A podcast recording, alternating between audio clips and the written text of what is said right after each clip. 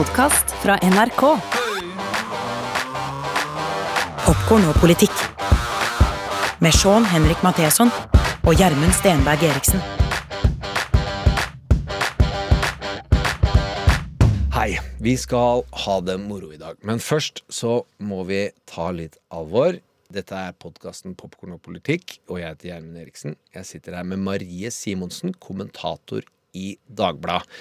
Av flere grunner. For eh, hun har annet stått veldig sterkt i norsk offentlighet rundt det fenomenet vi skal snakke om, at vi har blitt rammet av. Men jeg får jo først si uh, velkommen, tross omstendighetene. Ja, det er litt uh, rare, rare ting som skjer her. Og, men jeg føler liksom at det er viktig at vi stiller opp også når det rammer mediene. Det syns jeg du har gjort på beundringsverdig måte før, og jeg er veldig glad for at vi har jo henta deg inn fordi du ikke jobber i NRK, og fordi du er da på en måte uavhengig og har ikke vært redd for å si fra i vanskelige saker før, eh, og har integriteten. Det må jeg virkelig si. Du har integriteten i orden, og dette skal jo handle om seksuell trakassering. Eh, Fordi det er sikkert flere som har lest ryktene om Sean Henrik Matheson. Dessverre.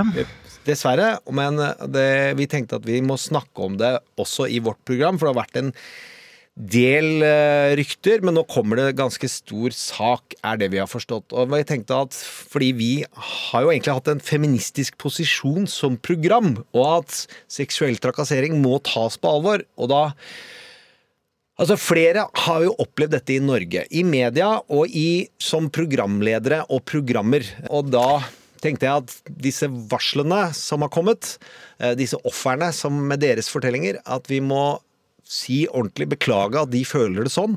Jeg har jo hørt uh, ryktene, men, men jeg må si at jeg er litt overrasket over at det skjer i en sånn redaksjon som dette. Ja, det Jeg har, Har du, ikke, har du visst om det? jeg har ikke visst om noe, men det har jo vært rykter om bilder, eh, og det har vært video.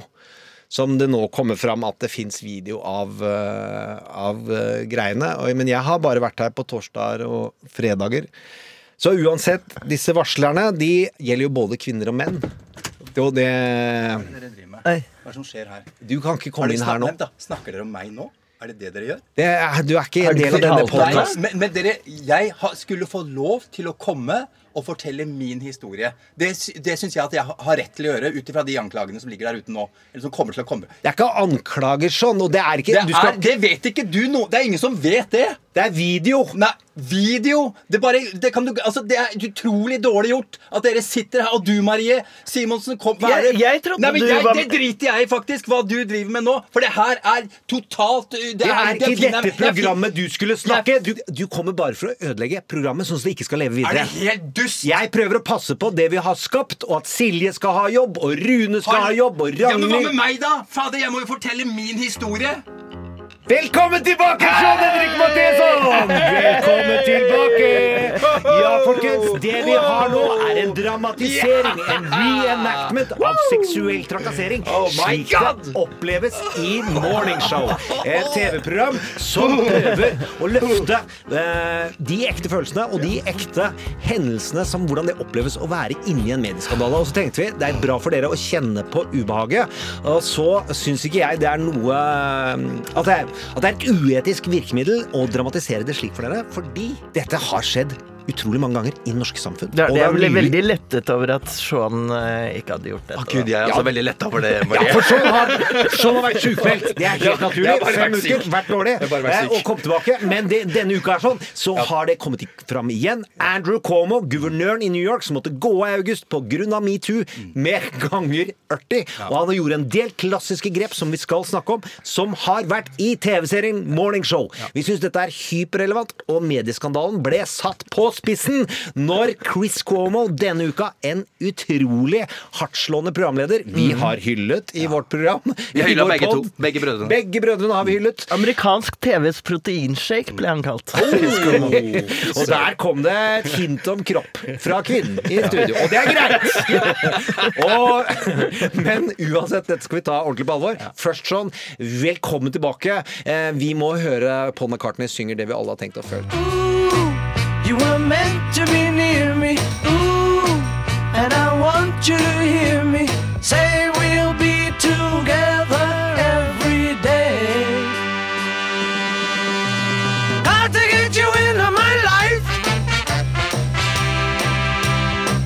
Ja, velkommen til popkorn og politikk.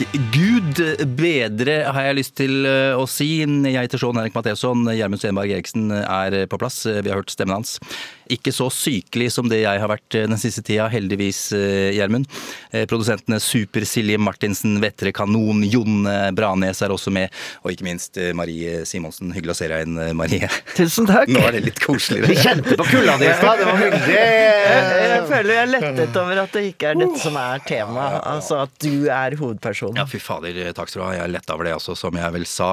Eh, Her i Popkorn og politikk snakker vi om politikk, filmer eh, og, og serier, dramaturgi.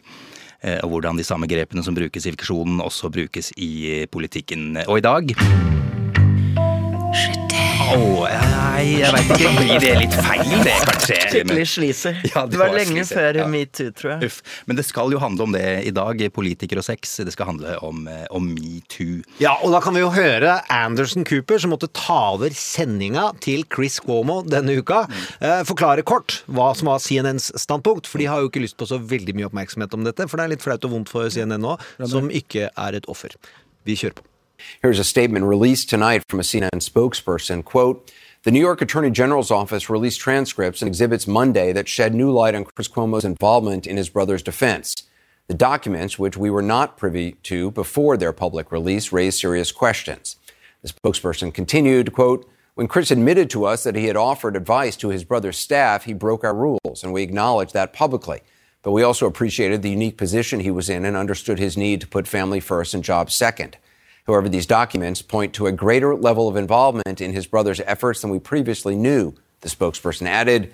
As a result, we have suspended Chris indefinitely pending further evaluation. Indefinitely, ja. Det, er, eh, det tror jeg er lenge. Det tror jeg er ganske lenge, jeg også. Men det er vel eneste riktige å gjøre der. Vi skal snakke om metoo, seksuell trakassering i politikken og, og i media. Vi skal også til eh, London.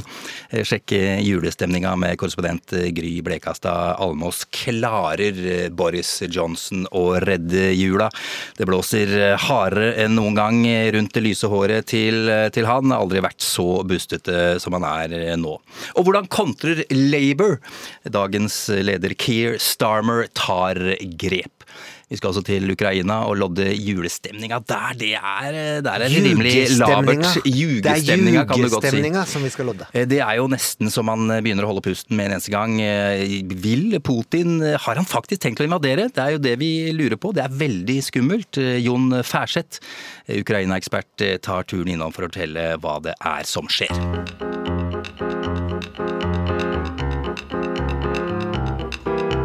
Metoo har ridd politikken og TV- og filmbransjen som en velfortjent mare de siste åra.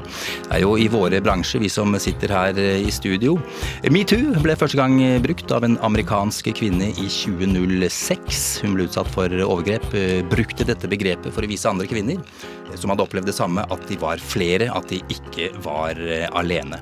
Det var skuespiller Alyssa Milano som gjorde dette til en viral hashtag i 2017, eh, da filmprodusent Harvey Weinstein fikk en haug av anklager eh, mot seg. Eh, Og som vi vet, det har jo nå blitt en eh, internasjonal bevegelse. Og som du har nevnt, eh, Gjermund, eh, sistemann ut er jo da tidligere guvernør i New York, Andrew Cuomo. En gang så veldig populær guvernør også, ble valgt eh, tre ganger. Mm, Og så har vi da eh, ikke minst broren Chris. Eh, Men vi skal da til eh, The Morning Show, eh, som er en TV-serie som går på mm, Apple Pluss, er det vel. Den har Jennifer Aniston, Reece Witherspoon og Steve Carell i de viktigste rollene. Gjermund, kan ikke du pitche den historien i full fart? Jo, jeg syns den er meget god. Det er viktig å si med en gang, så folk tar med seg det inn når de ser den. For jeg anbefaler den virkelig. Den tematiserer et veldig sterkt fenomen i amerikansk medievirkelighet, nemlig kampen om seerne om morgenen. De to-tre store kanalene, NBC, ABC og CBS, slåss med nebber og klør for å beholde det. Og når da en skandale rammer det, så rammer det økonomisk en enorm mastodont kalt NBC Universal i virkeligheten, for det baserer seg på noe som skjedde rundt Matt Lauer og deres morgenprogram, som jeg mener var på NBC. Ja, det var det Today Show, heter det. Ja. Dette var i 2017 for øvrig. Ja. Og dette følger jo da noen kvinnelige journalister som sakte, men sikkert oppdager og man avdekker at det er verre og verre og verre. Og skal vi ikke si hvem som eh, gjør hva i serien, for det er jo spoilen. Men, det, men det som er interessant med denne serien, eh, Gjermund, syns jeg, er at uh, i begynnelsen så virker det helt svart-hvitt. Mm. Han er drittsekk, uh, de kvinnelige er heltene. Mm. Og så blir det litt, snur det litt rundt, og man får se hvor komplekst dette er, og det er hvor mange lag det er. nyansert og fint, altså. Ja. Og, det er jo- er å se Jennifer Aniston gjøre en fabelaktig, lang og god dramatisk karakter, altså, i sesong én. Hun er programleder da eh, sammen med Steve Carell, som jo er den som blir utsatt Uh, Der spoila du den. Nei, men det må man. Det skjer jo i første episode. Kjære vene, det er vel noe av det første som skjer? Ja, det står nærmest på plakaten. Ja, det er ikke noe uh, å lure på. Um, men Marie, uh, hvordan likte du denne serien? Jeg eh, likte den kjempegodt. Ja. elsket den egentlig, fordi alle eh, vi som jobber i media, liker å se på oss selv. jeg vet det. Og så er det, jo, er det jo et tema som jeg har holdt på litt med en del med, som, som ble sagt innledningsvis. Og nettopp han Matt Lauer og hele det som Jeg fulgte jo også det tett, og det var egentlig litt morsomt å se han Steve Carell, som ligner jo nesten ja, på. Matt Lauer. Samme type. Og, Og så det ja. virker veldig, veldig troverdig. Det virker nesten som om du har vært inni det. Og du tror at dette faktisk har skjedd. Ja, ja. Og Matt Lauer må jo sies, han var jo kanskje den mest populære programlederen i USA. En, en fyr som folk tok inn i hjemmene sine som en sånn hjertefin. Hundrevis ja, ja. millionfabrikk. Bare Ja, ja, ja. lønna hans Men så kommer det jo frem som i alle disse sakene, at folk i huset, i miljøet, har visst om dette lenge. Og det er et av dine hovedpoenger, Marie, når vi snakka om det her. Folk har visst. Folk eh, vet alltid. Altså, vi har jo hatt et par saker her til lands også. Ja, det har eh, hvor, Nei! Vi, jo, vi, har, vi har hatt noen, Gjermund. Ja, skal vi hviske Ja, om nei, eh, men, eh, rundt grøten? Ja. For eksempel Trond Giske, som jo Det var jo ikke akkurat uh, shocking news for folk på Stortinget eller i partiet hans eller noe som helst sted. Og heller ikke oss i pressen, for å være dønn ærlig. eh, Nei, Marie. Jeg Ja. baserte den karakteren Altså Det gjorde jo mye research til Mammon 2, som er en, uh, har en ordentlig metoo-fortelling Ja. i seg, om en uh, nestleder i et politisk parti som driver med, la oss si, grovt trakasserende seksuell atferd. Det var jo Ja. var var ålreit. Mange mengder som, med kilder som nevnte hvem det kunne gjelde. Og det er det som er interessant med det der metoo, at eh, nå tar vi bare etter noen år, så tenker vi liksom at dette alltid har vært der. At metoo, den kraften at folk har varslet, og at vi har liksom omtalt og dette har hindret karrierer og sånn. Nei, det har ikke det. Ikke før metoo. Alle, ingen snakket om det. Ingen skrev om det. Ingen eh, Og det er og varsler, altså. Varslervernet har jo ikke vært utbredt, har jo ikke vært godt ivaretatt. Hvis du prøvde å varsle om, la oss si, sosiopatisk, altså generell skikkelig trakassering Ja. på arbeidsplassen, så er det en enorm jobb for de som varsler, og de som prøver å ivareta dens mulige yrkesliv Ja. framover. Mens Ja. det er jo den som blir varslet om, som har rettighetene og beskyttelsen Ja. på sin side. Og så tror jeg mange kvinner har tenkt sånn som jeg husker først da dette kom opp og du begynte å snakke om det, så snakket jeg med en jevnaldrende kollega, kvinnelig kollega, som sa at vi opplevde jo ikke noe sånn, og hva var det for noe? Liksom. Og så plutselig begynte vi å snakke, da, så ja, det var han som vi aldri måtte være inne på mørkerommet alene Ja, men- med, og så var det han, og så Ja. kom hvorfor- alle episodene frem. Hvorfor skrev man ikke om det, tror du, Marie? Før metoo? Det var, det var en uh, ukultur. Metoo handler jo veldig mye om asymmetriske maktforhold, som det heter så fint. Eh, og det betyr jo rett og slett at det ofte er eldre menn i mektige posisjoner som går etter unge kvinner. Og da er jo den maktubalansen gjør at det blir vanskelig å si fra, at det blir trodd.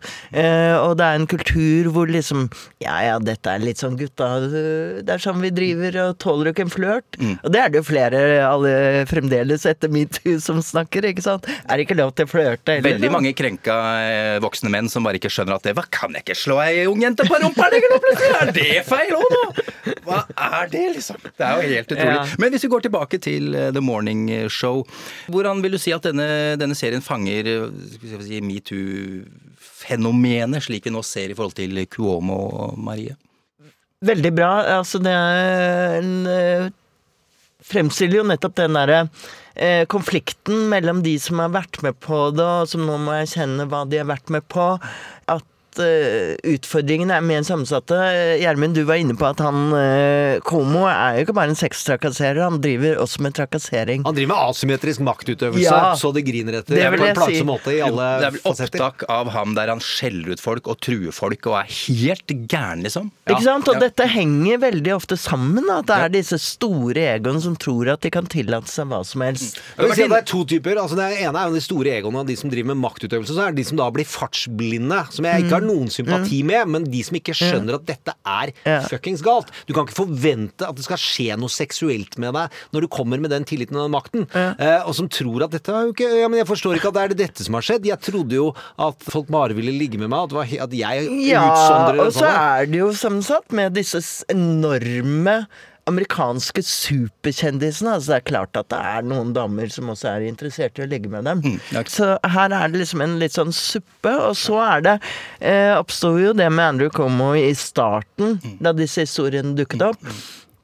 Som er en sånn uh, veldig mekanisme man har sett her i Norge òg. At uh, ja, ok, da så var han litt over grensen, men han er veldig flink.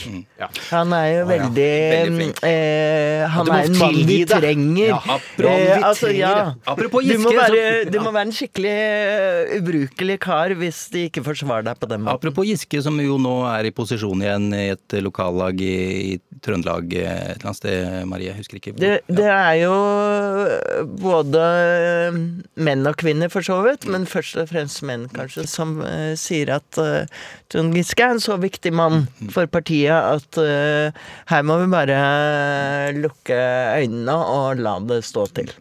Det her er jo mange som har kalt The Clinton Playbook, eh, som egentlig er utvikla av Bill Clinton når Monica Lewinsky, som når vi nå begynner å eh, få endelig grep om hvor enormt medieoffer var. Altså alle som tilga Clinton det å virkelig seksuelt utnytte sin maktposisjon som president i Det hvite hus overfor den jenta som da det et demokratiske parti og eh, Hillary Clinton og jeg har Syns synes jeg, ja, ja, nå må man roe ned. Jeg hadde 90-tallsmoral på det området der. Uansett, man går gjennom noen trinn som da dramatiseres utrolig godt i Morning Show. Og det ene er jo benekt alt. Mm. det er det første du gjør. Og så eh, prøver du å få klarhet i varslerens identitet. Og så skal du mistenkeliggjøre varsleren, og så må du mistenkeliggjøre mediene som kommer med varselet. Og så må du passe på å ikke gjøre det så mye selv, så du må få surrogater, altså dvs. Si talspersoner, som sier at 'hallo', blant annet, dette må vi tilgi, og mediene har de. Og så skal du finne andre kulturelle forklaringer for hvorfor dette varselet kommer nå. Altså i Clinton-saken, altså det er jo det republikanske parti som jeg ønsker å trekke meg ned. I Giske-saken så er det en sentrumssiden i Arbeiderpartiet, og dette handler egentlig om valgkamp. Eller der vi er på Cuomo nå, at det er folk som ikke ønsker at Cuomo skal gå opp som presidentkandidat. Man mistenkeliggjører på alle tenkelige mulige måter. Og så begynner man, når det kommer mange nok varsler, og det kommer endelig eh, tydelige historier, så sier man ja, jeg beklager at de følte det sånn. Og altså, da begynner man å eh, blame offeret indirekte det er de som har misforstått den seksuelle situasjonen, som da er man virkelig må være utrolig forsiktig, vi, blant annet som podkast og medier generelt, Mm. Hvordan varsleren og offeret blir omtalt, og hvordan de nedsnakkes, syns jeg bevisstheten må bli enda bedre på i norske og ikke minst amerikanske medier. At denne typen 'beklager at du føler det sånn', det må nesten ikke stå på trykk. Altså, det må jo rett og slett bare øh, be de komme med en bedre utgave av en beklagelse, eventuelt ikke trykke det i hele tatt. Og det som er interessant, er at denne playbooken virker jo om og om igjen. Og det er mange i vår bransje, altså journalister, som er med på å bidra til, eh, til at den playbooken eh, funker veldig godt, fordi vi ofte har lyst til å være kontrære og vise dette fra en annen vinkling, vil vi nok si. Og der misforstår man fullstendig kjendismakten, som de fleste av disse har. Altså, du får utrolig mye mer medieoppmerksomhet når du er varsler mot deg, og en ordentlig kompetent uh, maktperson vet å snu det til sin fordel. Du får utrolig mye mer taletid enn offer og varsler, og du står i det. Og det, det er siste punktet. Bare hal det ut. Folk orker ikke. Så bare insister på at 'jeg beklager at du følte det sånn'. Stå Mm. i den i et år eller to eller tre. Så når det huskes, så er jo da tanken at det skal huskes som ja, det var noe der, men vi vet ikke helt. Marie, hva tenker du om det der? jeg, jeg, jeg tror at eh, det er mange som har vanskelig for å, å tro det, og mener de virkelig beundrer og ser opp til. Har Sean Henrik tro... Matheson! Ja, ja, ikke sant? Så var skyldig Ferdig med det. Ja. Det er mange som, eh, som har investert mye i denne personen, Ja. og som er avhengig av karrieren. Alt henger sammen med denne personen. Så det er mye egeninteresser også ute og går. Og i et lite land som Norge så syns jeg ofte at det er sånn eh, både litt sårt og rart å se at folk eh, benekter at dette har skjedd, helt til de oppdager at det har skjedd med en de kjenner veldig godt. Ja. Og da blir de helt sønderknust. Hvordan har det vært den norske dekninga, syns du? Hvis du kan oppsummere det i forhold til det Gjermund akkurat sa, i noen få setninger, Marie? Jeg syns den norske dekningen har vært relativt god. Vi blir ofte kritisert for at vi ikke tar så mye oss selv. For det har ikke vært så mye avsløringer i mediene, og det er kanskje det mest eh, påfallende. Og der ler mange godt i skjegget. Ja. Vi Puste vet, ut i skjegget kanskje også? Jeg vet da jeg vet at her er det skjedd ting, men, eh, men jeg syns at det har jo vært en eh, prosess som har gått ble veldig dramatisk på grunn av denne motstanden som Trond Giske og flere har, eh, har gått til, ikke sant? som har gjort at disse sakene er blitt dratt ut og dratt ut, og, og blitt veldig personlige og vonde. Men jeg syns generelt liksom om metoo at det har vært gode debatter og og ja, en god forklaring av fenomenet. Okay. Som, men vi er jo Jeg tenker liksom nordmenn er jo Vi er jo litt mer politisk korrekte eller woke, eller hva jeg skal si. Jeg, jeg føler at vi er jo et veldig likestilt land. Så jeg tror at, eh, at et sånt fenomen har lettere for å bli forstått og forklart i et land som Norge enn i USA, hvor jeg tror det møter atskillig mer motstand.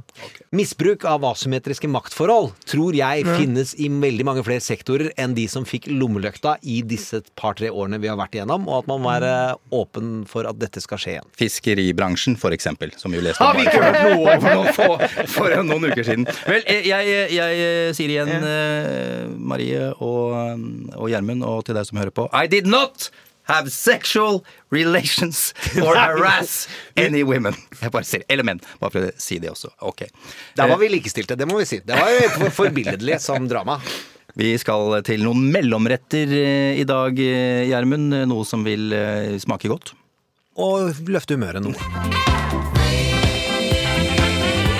Michael Cohen,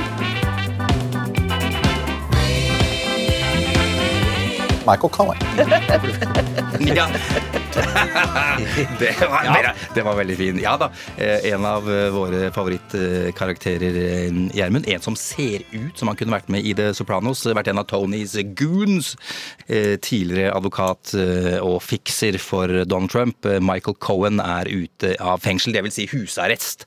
Han ble jo overført til husarrest pga. covid-frykt i sin tid.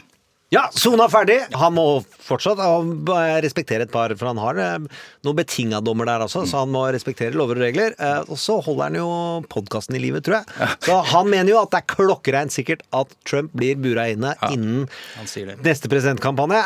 Der tror jeg vi dessverre skal følge Men det er derfor vi liker ham. Det er derfor vi liker han. Han ønsker sjefen sin uh, lukt åt helvete. Det er, det er litt- positivt. Det er sympatisk. Jeg, denne ting jeg så her Han har, altså Michael Cohen har kasta seg på kryptokunst.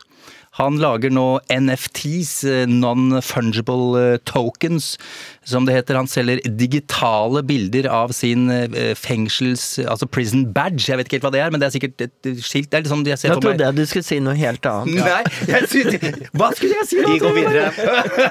Nei, men av sin Ja da, den litt seint. Ja. Litt seint oppi Ja, huet mitt. dag på jobb. Det er første dag på jobb på lenge. Nei, så han da selger Håper han tjener noen kroner da, på, på noen NFTs her. Vil han gi kjøpere en offer they can't refuse? Forget about it. Forget about it. Eh, nå til noe som ikke er noe morsomt i det hele tatt. Eh, Men spennende. men veldig spennende. Abortsaken ruller og går i USA. Eh, Det er nå 25 stater som vil eh, stramme inn eh, reglene, mer eller mindre forby abort. Og det er vel kanskje staten Mississippi som utfordrer Høyesterett akkurat nå for tida. Jeg vet at dette engasjerer deg veldig, Marie. Selvfølgelig, dette er helt grunnleggende. Jeg må si jeg er dypt rystet og sjokkert over at dette skjer, selv om min store helt Ruth Bader Ginsburg allerede på 90-tallet snakket veldig om at nå måtte man gjøre noe med Roe versus Wade fordi den var i fare. Man måtte codify en, altså man må vedta en strammere lov. Ja, Ja. Road versus Wade, bare for å si det, det er liksom eh, Det er nærmest abortloven. Det som Loven. sikrer 1970. retten på selvbestemt abort Helt blant alle kvinner på tvers av alle delstater. Ja. Dom fra 1973 som bare slo fast at sånn må vi ha det. For det er det essensielle her. At uh, det som skjedde i Høyesterett denne uken, var jo at, uh, at man nærmest overlater til delstatene å bestemme dette her. Og da er det som du sier sånn, at uh, delstater sitter klar med drakoniske abortlover. Og drakoniske er ikke bra for dere som har bra. et litt mindre vokabular enn Marie Simonsen. Så kan bare si, er, altså, det er jo da seks eh, dommere av ni er nå konservative i høyesterett i USA. Eh, fem av de er jo da nærmest fått jobben fordi de kvalifiserer på det viktigste parameteret det republikanske partiet og deres presidenter har valgt ut ifra. At du prøver å få ned Roe versus Wade. Og så er det den som er lederen i den amerikanske høyesterett. Roberts. Han ønsker egentlig bare en sånn sakte demontering som ikke skaper de store kontroversene. Men Barrett og Kavanaugh Hans ettermæle er jo ødelagt. We drank beer. Uh, liked beer. When, when still like beer. Hele denne ja, ja. høyesterett er jo total katastrofe. Altså Sonja Sotomayor eh, ja. ja. regnet kanskje som en mer liberaler, da. Ja, sentrist. Eh, men eh, i hvert fall, hun reiste seg og sa Hvordan kan denne institusjonen leve med å bli så politisert som den her fremstår? The newest ban that Mississippi has put in place, the six week ban, the Senate sponsor said, we're doing it because we have new justices on the Supreme Court.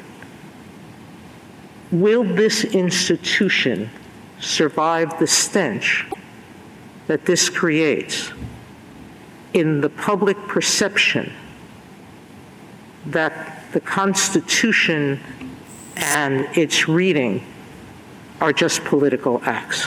Og så er det slik at de har aldri tatt tilbake rettigheter. Høyesterett har alltid åpna altså etter slaveriet, civil rights på 60-tallet og flere og flere og flere, men de har aldri snudd. Og det er jo Sotomayors poeng. Denne har vært debattert denne uka, så kommer avgjørelsen i juni. Dette kommer vi til å snakke mer om, for da hiver de seg rett inn i valgkampen. Det går unna på Twitter også, kan vi jo eh, skrive noe på. Det er nå infighting eh, blant eh, republikanerne.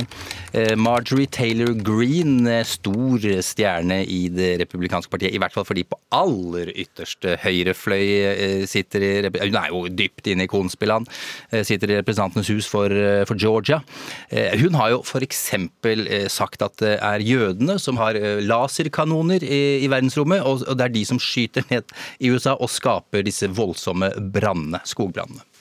Hun sier jo selv at hun ikke er liksom the loony right. Hun sier jo vi er not the fringe, we are the base. Eh, altså, de er basen i, i det uh, Ja. republikanske Det er helt normalt. Hun har også da trakassert, apropos trakassert, hun har fulgt etter med videokamera ofre for skoleskytemassakrer i USA. Hun har lagd videoinnslag av at de lyver og bedrar og bare prøver å skape oppmerksomhet om seg selv. Grusom dame. Men de er i en twitterkamp. Ja, Hun er i en Twitter-kamp eh, med sin eh, republikanske kollega Nancy Mace. Hun skrev på Twitter You, altså eh, Marjorie Taylor Greene skrev til Nancy Mace You are the trash in the GOP conference, altså GOP Grand Old Party, det republikanske partiet. Eh, Mace kontra kjapt eh, svarte med emojis. Og dette er vår første emoji-humor. Emoji. Nå er vi, vi prøver å appellere til yngre målgrupper. Fortell, da. Fortell, da. Hva svarte hun? Tre emojis. En flaggermus, en bæsj, en klovn. Hva blir det? Maria? Batshit crazy. Fungerer på alle! Og det er alle. Og vi sender en kaffekopp til alle lytterne våre under 20 år. Det er deg, Christian. Det er nydelig. Eh, vi skal eh, høre verdens eh, beste julesang, og den skal ta oss med til julegrantenning i London og, og Gry Blekastad Almås, 'Love Actually'.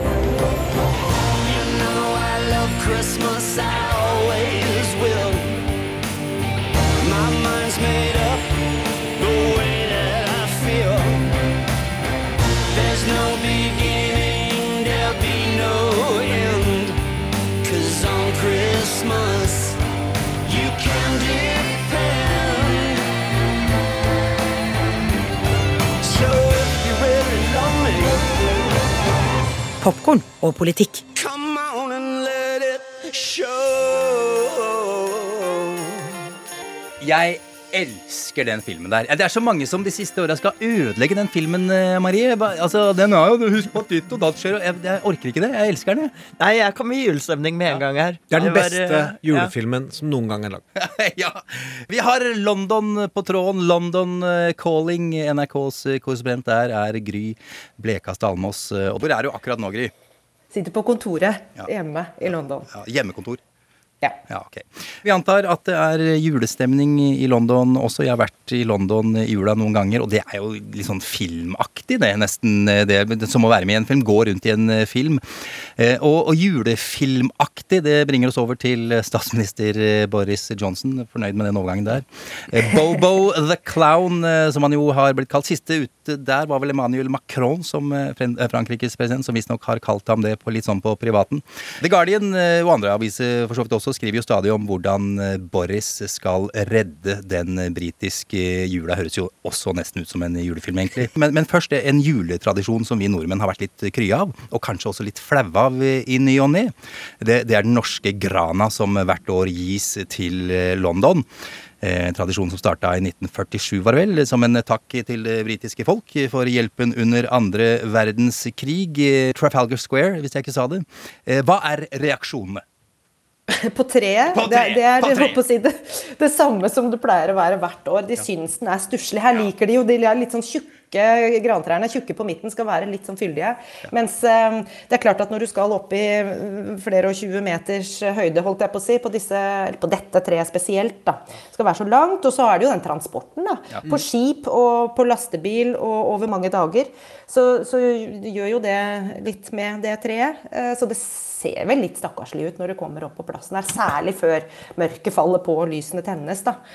Avknukne greiner og sånn, særlig nederst på den ene siden, eh, har gjort at det har vært en del kritikk. Og det går ikke an å snu det inn mot veggen, for det gjør jeg når jeg kjøper feil tre. Bare snu den delen inn mot en vegg. Men Det er ikke noe vegg der. akkurat som vi ikke får det til. Hvert eneste år er de sure, Marie. Men jeg har vært altså, London-korrespondent, og dette har jo alltid vært Jeg var på 90-tallet. Da var det en stor debatt om eh, at kunne ikke bytte ut norske trær med svenske, for eksempel, eller et eller annet. Så her må vi, her må vi skjerpe oss hvis vi ikke skal bli utkonkurrert. Ok, vi lar eh, julegrana få stå eh, i fred. Gry, eh, hvordan skal Boris redde jula, er det vi lurer på nå. Men, men, men først, hva er, som, hva er det som må reddes? Det er jo pandemien, selvfølgelig. Eh, altså Her har man jo friskt i minne eh, fjorårets eh, jul, som ble veldig preget av strenge restriksjoner og lockdown som ble innført rett før jul pga. denne første mutanten. Og det var jo selvfølgelig ingen hyggelig jul for briter, det. Og nå har vi jo denne nye mutanten som skaper ny usikkerhet. Og Boris Johnson skal da redde jula ved at han ikke innfører restriksjoner på eh, selskapeligheter. Men også for dette får regjeringen kritikk. Selv om mange er glad for at de skal få lov til å ha sosialt samvær i jula, så er det jo mange som også mener at regjeringen her taler med to tunger, for det er ulike regjeringsmedlemmer sier litt ulike ting. Man blir jo oppfordret til ikke å være veldig mange sammen, samtidig som man får lov til det. Det innføres ikke noen lover mot det. Men man ser jo også at eh, på utesteder osv. Så, videre, så får de jo inn masse avlysninger av sånne julebord og sånn nå, da. Så det er bekymring. Johnson har jo klart seg stort sett kanskje litt overraskende greit på popularitetsmålingene. Det gjør han ikke lenger, og eh, særlig kanskje blant egne velgere, så vidt jeg forstår. Gry, han har blitt markant mer eh, upopulær de siste månedene. Hva skyldes det? Det skyldes i stor grad denne hva skal vi kalle det, korrupsjonsskandalen. Det er vel kanskje å gå langt, men lobbyskandalen i parlamentet. da.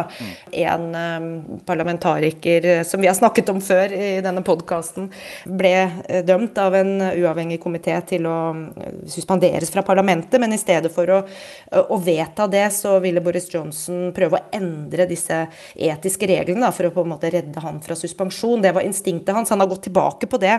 Men um, det instinktet har man jo sett eh, på eh, som noe negativt. Og du sier det, det har gjort ham, eller var det jeg som sa det, gjort ham eh, upopulær i partiet. Og nå snakkes det jo mer og mer om at ja, kanskje vi skal begynne å tenke på å bytte ham ut. Er det en stor debatt, Gry?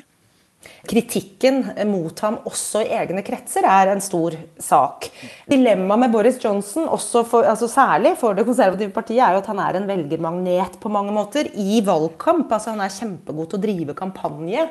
Og det viste seg jo ved forrige valg i 2019, hvor Det konservative partiet fikk et mye større flertall enn noen egentlig hadde spådd på forhånd i parlamentet. Og særlig fordi eh, Boris Johnson eh, fikk eh, velgere som alltid, i generasjoner, har stemt på Labour, til å stemme på Det konservative partiet for første gang. Dette er også noe av utfordringen hans, selvfølgelig. Å føre en politikk som innfrir de valgløftene og de forhåpningene som den delen av velgerkretsen hans uh, har fått til han. Da. Mm. Det seiler ikke opp en hel rekke med kronprinser som nå driver kampanje for å overta uh, lederposisjonen i partiet. Men jeg har da fått med meg et par navn, i hvert fall. Rishi Sunak, finansminister. Liz Truss, utenriksminister, som jo liksom står der og er litt gira, er de ikke det? Og særlig Rishi Sunak blir jo nevnt gang på gang. Han, han, er den som trekkes fram uh, når man blir spurt. Også blant velgere da, i sånne undersøkelser om hvem de ønsker skal overta, så er det Rishi Sunak som seiler opp. Altså, han er jo relativt fersk i liksom, rikspolitikken. Seilte opp som finansminister relativt uh, nylig og har liksom klart å gjort seg bemerket. da. Mm. Veldig rik. Han har riktignok giftet seg til sin rikdom, da, og ikke en sånn nedarvet uh, rikdom. Lucky men en av de aller rikeste gjennom kona si. Ja, okay. eh, I forrige uke så skjedde det jo noe som vel kanskje aldri har skjedd før. Eh, Boris Johnson mista ordene sine. Han, han sto og talte for britiske næringslivsreddere, mista tråden, og manus kunne det se ut som. Og han ba om eh, unnskyldning en eh, rekke ganger. Uh, forgive me. Forgive me før han da begynte å bable om Peppa Gris. Dette her husker vi jo fra forrige pod. Rimelig smertefullt eh, å se på. Hva er ditt inntrykk av etterspillet av denne fadesen, må vi jo kunne kalle det? Jeg bare kjenner på min egen følelse da jeg så det. Altså hvordan liksom haka slapp nedover mm. brystkassa. For det er veldig ofte han kommer uforberedt og mm. ikke, ikke, vet hva han skal snakke om, men da sjarmerer han seg ut av det. Han er jo så verbalt liksom sterk. Mm. Altså Dette blir sett på som et tegn på at han mangler helt en seriøs strategi for britisk næringsliv, som jo er veldig bekymra nå, både pga. pandemi og brexit og jeg vet ikke hva. Eh, og så kommer han altså der og babler om Peppa Gris. Men det føyer seg jo litt inn i rekken av, av saker. Og, og, og, det passer jo, bortsett fra det verbale som uteble denne gang, så passer det jo inn i, i, det bildet som man har fått etablert av Boris Johnson nå, da, som en eh, som tar ting veldig på hælen, eh, og ikke har en strategi. Vi må snakke om det andre laget også, Labour. Så hva er alternativet til eh, Boris Johnson? Now get this!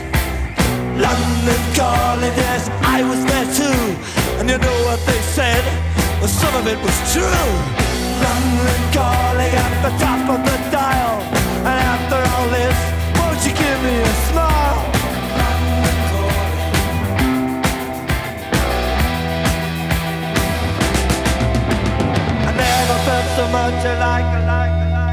London calling der, The Clash. Jeg er aldri feil. Du ble veldig glad, Marie. da vi Og det er en av mine absolutt favorittlåter. Ja, vi skal eh, snakke om Labour, men eh, før det, altså skandaler er jo alltid morsomt. I hvert fall for de som ikke er involvert, selvfølgelig. Hva vil du si er den største skandalene fra, fra Labour sin side det siste året? Det er litt sånn saying i britisk politikk at uh, de konservative har sexskandaler, mens Labour har økonomisk rot. Men nå er det jo Torryen egentlig som er i trøbbel på denne måten. Ja, Hvordan da, Gry? Vil du si at Torryen er i, i trøbbel nå? Nei, litt dette som vi snakket om, da, med, med lobbyskandaler og bijobber, da, for å si det sånn. Ja. I parlamentet. Politikere som er eh, valgt inn for å tjene folket, eh, bruker da sine forbindelser og også sin tid og sine kontorer til en viss grad eh, til å eh, tjene penger på si. Mm. Masse penger. Store penger. Ja. Eh, så denne grådighet debattkulturen kan man jo si er en slags forskjell. For det, det virker vel kanskje, i hvert fall kanskje fordi denne skandalen ruller nå, så får man inntrykk av at det liksom er mer en kultur på konservativ side, mens eh, det er mer enkelttilfeller som rulles opp på, på Labour-sida. Jeg vet ikke om det er helt rettferdig, men, men, det er det inntrykket som fester seg. Da, i hvert fall. Men uh, Keir Starmer, Labour-lederen, har jo vært nevnt i denne sammenheng selv, fordi han var jo tidligere um, regjeringsadvokat og er jurist. da, eh, Og han, mens han har sittet i parlamentet, det var før han ble leder riktignok, eh, hadde som bijobb å være jurist bl.a. for eh, Gibraltar, og tjente gode penger på det, i tillegg til parlamentarikerjobben sin. Og han har jo også innrømmet at det er en type jobb som med de nye reglene han har foreslått, ikke ville vært tillatt i dag. Så, så det er ikke sånn at ikke Labour er involvert i disse skandalene i det hele tatt. Eh, Keir Starmer han er jo en relativt Nei, ikke ny lenger nå han ble jo leder i april i fjor, eh, så ikke noe sånn veldig ny for så vidt. Eh, bare si litt om han. 59 år, advokat, som vi nå har funnet ut av. Gikk ut fra Oxford i 1986, kommer fra Surrey. Og ble da etter hvert direktør i påtalemyndighetene for England og Wales. Og 2015 ble han da valgt inn i, i parlamentet. Keir Starmer har altså byttet ut uh, flere i sitt skyggekabinett. Forresten, Gry, kan ikke du fortelle hva skyggekabinett er? Ja, Det er jo si, opposisjonen som eh, har bygd opp en skyggeregjering. Altså en ja. Eh, regjering med eh, folk som skal speile regjeringens posisjoner da, og utfordre den enkelte minister i deres fagfelt. Hver minister i regjering har sin skygge i opposisjonen. Han skifter altså ut en del skyggeministre. Og hvorfor gjør han dette, Gry? Ja, Det er vel for å, å styrke laget. Altså, det har jo vært uh, mye spørsmål stilt rundt hvorfor ikke opposisjonen står sterkere når uh, statsministeren og regjeringen uh, står såpass svakt som den gjør akkurat nå. Det er klart at Keir Starmer har jo hatt litt problemer med å profilere både partiet og seg sjøl. Han ble valgt midt under pandemien. Å være opposisjonsleder er jo mye forbundet med det å stå i Underhuset og si, krangle med statsministeren. Den rollen måtte han jo ta på Teams, liksom. Det blir ikke helt det samme.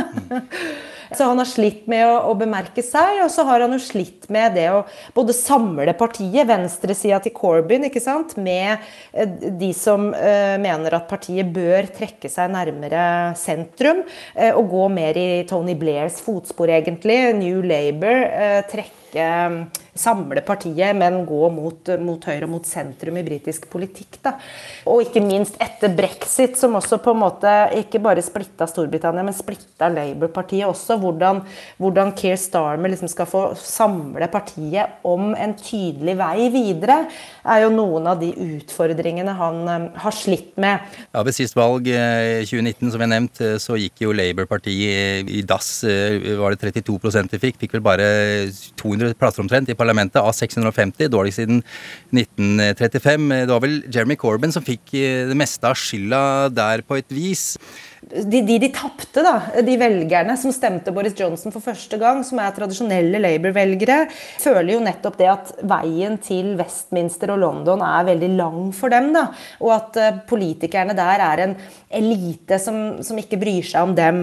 Uh, og når da Keir Starmer er en sånn type elitist sjøl, så blir avstanden tilbake igjen til Labour-partiet, eller veien dit da, uh, kanskje lengre enn med en person som blir sett mer som en folkets eh, kvinne eller mann. da. Jeg regner jo med at han har planlagt denne omrokeringa i skyggeregjeringen før omnikron kom og ga eh, Boris Johnson mikrofon tilbake og en mulighet til å være offensiv. Men skal du stå imot en så eh, kompetent høyrepopulist som Boris Johnson er, i forhold til det at han alltid er på. Altså han, ja, han, krever så mye oppmerksomhet.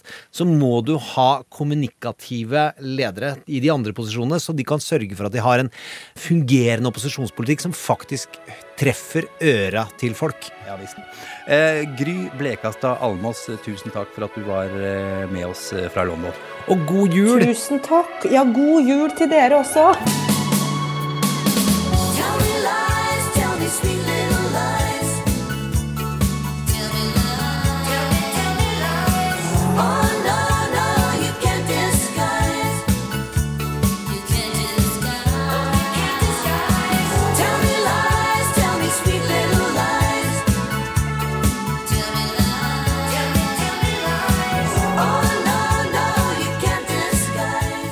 Popkorn og politikk Med Sean Henrik Matheson og Gjermund Stenberg Eriksen. Sweet uh, Little Lies der. uh, Selvfølgelig Fleetwood uh, Mac. En låt alle tre som sitter i studio nå liker veldig godt. Det er en glede å ønske deg velkommen tilbake, Jon Færseth. Tusen takk for det. Forfatter og frilansjournalist med Øst-Europa som spesialfelt, kan vi si. Du har også skrevet boken 'Ukraina landet på grensen', og tidligere i år som kom boken 'Fyrtårnet i øst Putins Russland og vestlige ekstremister ut'. I dag skal det handle om Ukraina. Og forholdet mellom Russland og Ukraina er eh, for tida eh, svært spent. Og dette har da igjen ført til at det er svært spent mellom Russland og Europa, sammen med USA, selvfølgelig. Det er litt som å holde pusten-stemning, syns jeg. Nato har kommet på banen. Generalsekretær Jens Stoltenberg sa dette her for et par dager siden. Ministers made clear any future Russian aggression would come at a high price and have serious political and economic consequences for Russia. Russland vil måtte betale en høy pris eh, for enhver eh, aggresjon mot Ukraina. En sterk eh, uttalelse, må vi vel si. En skremmende uttalelse også, vil jeg påstå. Årsaken er at Putin og Russland den siste tida har satt ut omtrent 100 000 soldater. Stridsvogner, artilleri, kortdistanseraketter svært nærme den ukrainske grensen. Spørsmålet er jo gjør Russland seg klare til å invadere? Jon, gjør de det? Det er det jo egentlig ingen som eh, kan si sikkert. Man vet jo ikke. Nå har jo Russland plassert ut eh, styrker på grensa før. Dette virker jo tilsynelatende som foreløpig som det også er et forsøk på å presse Ukraina og presse Vesten til å presse Ukraina. Man eh, vil ha slutt på Nato-øvelser i Ukraina.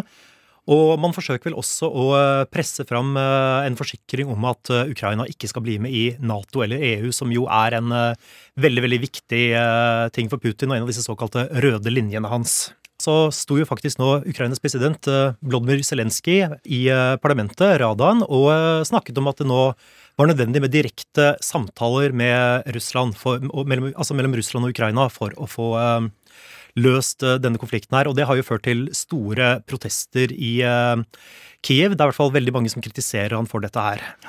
Uh, Zelenskyj har jo kommet med sterke anklager mot Putin. Hva, hva, er det han har sagt? Nei, altså han har jo hevdet det at det har vært planlagt et kupp og et attentat mot ham. Når det gjelder kuppet, så tolker jo de fleste i Ukraina har inntrykk av dette her som at det er, sto, det er ment å skulle være Han mente store demonstrasjoner, altså et nytt Maidan, som den skulle avsette han og lage kaos. Det har jo for så vidt vært demonstrasjoner i Kiev på samme dagen som dette kuppet skulle skje, uten at jeg tror det nødvendigvis er noen sammenheng der.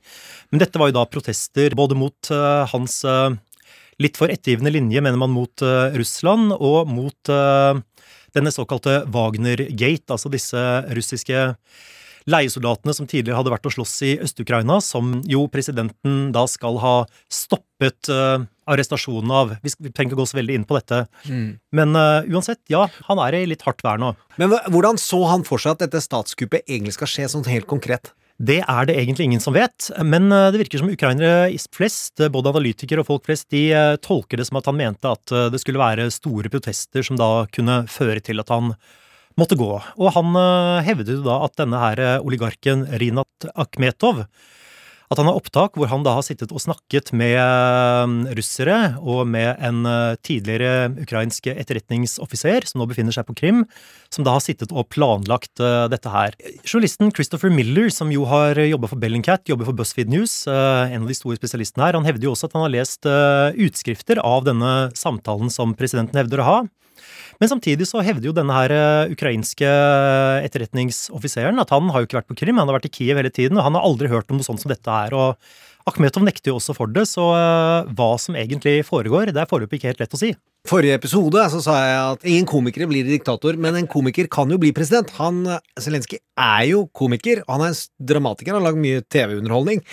Kan det tenkes at han har sett på Putins hovedmetode, en av hans store metoder som autoritær leder, nemlig løgn, og tenkte nå drar jeg på og kommer han i forkant. Jeg bruker noe jeg har flik av, og så bruker jeg det med maksimal effekt og sier at eh, Putin prøver å få til statskupp. Nå får jeg hele verdens eh, lommelykt på dette problemet. Tror du han eh, jobber sånn? Først og fremst så tror jeg nok at dette her eh, først og fremst må sees eh, på bakgrunn av den eh, konflikten som pågår mellom Akhmetov og Zelenskyj. Og Zelenskyjs forsøksvise for oppgjør med disse oligarkene generelt i Ukraina. Mm. Man kan si veldig mye om dette oppgjøret her, hvor reelt det egentlig er. Vi trenger ikke gå så veldig inn på det, men jeg tror nok det er først og fremst på basis av det at vi må se dette utspillet her. Og Zelenskyj bør virkelig kunne dokumentere dette her godt, for hvis ikke så vil det slå tilbake på han selv. Da mister han masse troverdighet både internt i Ukraina og eh, ikke minst i utlandet, som han er veldig veldig avhengig av å ha tillit og troverdighet. Kan du si noe kort om Akhmetov? Hvem er det? Akhmetov han er en av Ukrainas rikeste menn, og vel også på lista over verdens rikeste menn. Han eh, kommer fra Donetsk i eh, Øst-Ukraina. Bygdes opp en formue der i eh, kull og stål og jern. Han eh, var, har alltid vært en viktig politisk spiller i Ukraina gjennom veldig mange presidentperioder. Han eh, var jo en av sponsorene for Janukovitsj sitt eh, regionparti, altså den presidenten som ble avsatt i 2014. Du kan si hans rolle i eh, 2014 er veldig litt sånn, litt sånn Bob og Bob. Han, eh, Vingla litt, har han ikke det? han vingla veldig. veldig. Han uh, satt vel på gjerdet så lenge han kunne, før han til slutt eh, falt ned på den ukrainske siden så seint som i mai 2014, altså når konflikten allerede var i gang. Han mister jo ganske mye av formuen sin på dette her. Han gikk fra 34.-plass til et eller annet sted langt ned på 340.-plass av de rikeste i verden, som nok eh, kan gjøre litt vondt for en stakkars oligarkhjerte. Det kan det nok, og jeg tror nok vi må gå ut fra at eh, Akhmetov er mest interessert i å mele sin egen kake. Han spiller på den hesten som er eh, klokest å spille på. Men ønsker han å bli valgt? Ønsker han å ta altså, hovedposten i Ukraina? Å være og gå autoritærveien og bli leder? Det tviler jeg på. Jeg tror nok at hvis han skulle forsøke å få seg makt, så vil det være gjennom å eh, støtte politikere som var på hans side. Og det er jo også noe av dette her eh, oppgjør med oligarkene også handler om. Man eh, forsøker å sette det begrensninger på folk som både har over en milliard dollar, og som i tillegg eier interesser i media og sponser eh, politikere. Det er det man da definerer som oligarker. Og eh, man forsøker da å si at eh, du, at disse her får da ikke lov til å eie medier, de skal utelukkes fra fremtidige privatiseringer, de skal ikke få lov til å sponse politikere osv. Men så er spørsmålet hvem skal defineres som oligark? Hvem er det som har makten til å gjøre det? Så en del er litt skeptiske til Zelenskyj sin plan oppi dette, mener den er mest av alt er populisme. Okay. Det er ikke, nok ikke utenkelig at det er planer om et eh, kupp. Russland, Vi aner ikke hva Russland forsøker å finne på nå. Og man kan sikkert lage demonstrasjoner både mot dette med Wagnergate, mot vaksiner og sånt noe. Og så at det kunne bli opptøyer, selv om det er nok neppe så stort momentum i Kiev at det ville bli et nytt Maidan av det. Ok. okay. Du nevnte den røde linjen som, som Putin eh, snakker om, eh, Jon. Hva betyr det? Nei, det er jo dette her med at uh, Ukraina skal ikke bli med i uh, Nato eller EU. Det er dette at det skal ikke utplasseres Nato-styrker i Ukraina. Putin har jo irritert seg annet ganske mye over disse her øh, dronene de har fått fra Tyrkia. De har irritert seg over uh, militærøvelsene som har pågått i Ukraina. Ikke minst flåteøvelsen i Svartehavet. Så det er nok et forsøk på å si til Vesten at uh, hold dere unna min interessesfære, så å si, dette her. Så får vi se hvor langt Putin er villig til å gå for å tvinge gjennom dette. Så eh, Siste spørsmål her er egentlig hvor nær en krig er vi? Det er helt umulig å si akkurat nå. Eh, militære analytikere mener jo det at det er vanskelig å utkjempe en eh, sånn krig for Russland. Det vil føre til enorme tap på begge sider. Vil dette her bli politisk særlig populært i Russland? Jeg mener Putin er jo også avhengig av popularitet, tross alt. Som, Men, du, eh, som du sa til meg, det bor, hvor mange bor det i Ukraina? Det bor 40 millioner der. Og hvor stort er Ukraina? Det er eh, Europas største land etter Russland. Det er vel på størrelse med både Tyskland og Frankrike sammenlagt, så dette er et stort land. Så å både erobre eller okkupere dette her, det blir litt av en eh, jobb, og det vil koste enormt for begge sider. Og det er ikke nødvendigvis sikkert om vi klarer å avsette regjeringen i Kiev på den måten. Så først og fremst så tror jeg dette her handler om å legge press. Men hva de kan oppnå med presset, det vet vi jo ikke, og vi ser jo nå at Zelenskyj har sagt seg villig til direkte samtaler med Russland, noe mange ukrainske opposisjonspolitikere er veldig, veldig skeptiske til. Og så eh, er jeg ganske trygg på at denne konflikten ikke er løst, og at det kommer til å skje eh, bevegelser og spenninger som gjør at du kommer tilbake. Tusen takk, Jon Ferseth. Selv takk.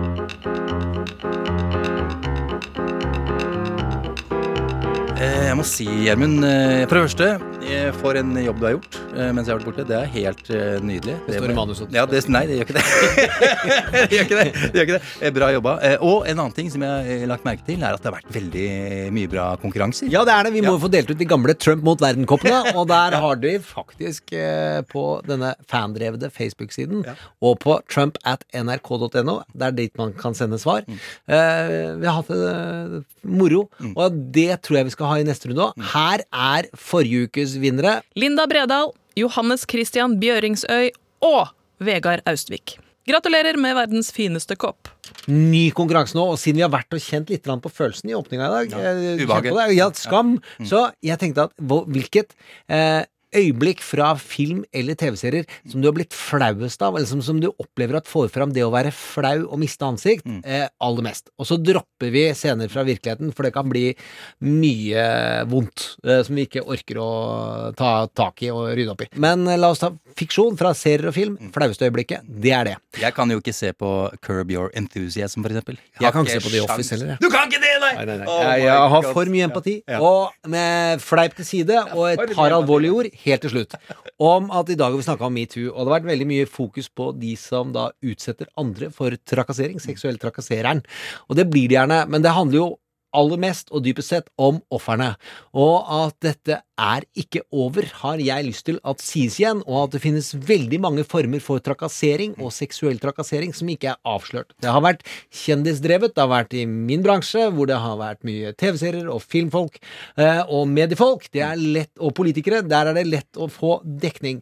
Men husk, vi var for dårlig til å lytte, og vi var for dårlig til å si fra. Og det gjelder mange av oss. Så pass på. Det skal ikke være greit å trakassere.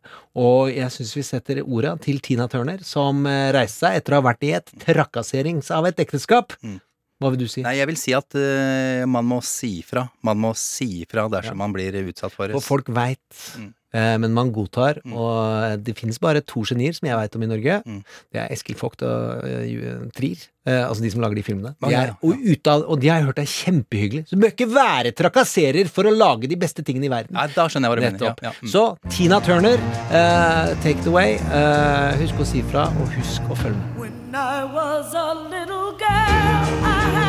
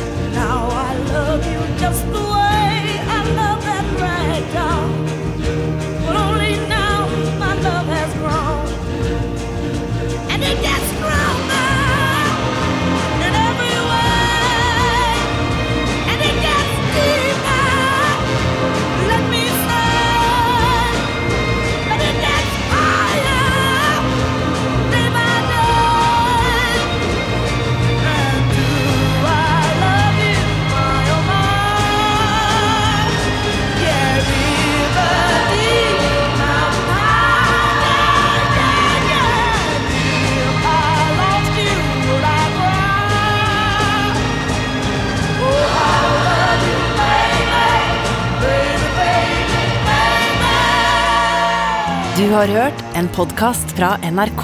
De nyeste episodene hører du først i appen NRK Radio. En podkast fra NRK.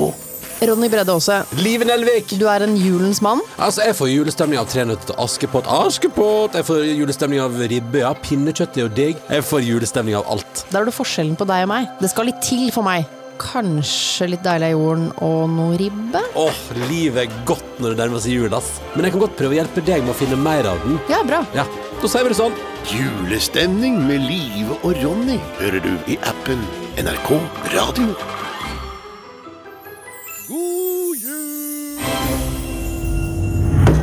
The part you guys never seem to realize is that you don't have the power anymore. The news division is held up by my show, and the only thing keeping us afloat is me. Because guess what? America loves me. And therefore, I own America. Are you actually trying to justify your actions? I'm not listening. I don't need to justify anything. You all are so convinced that you are the rightful owner of all of the power that it doesn't even occur to you that someone else could be in the driver's seat. And so, so we have to just gingerly step around your male egos in order to not burst this precious little bubble. Well, surprise! I'm bursting it.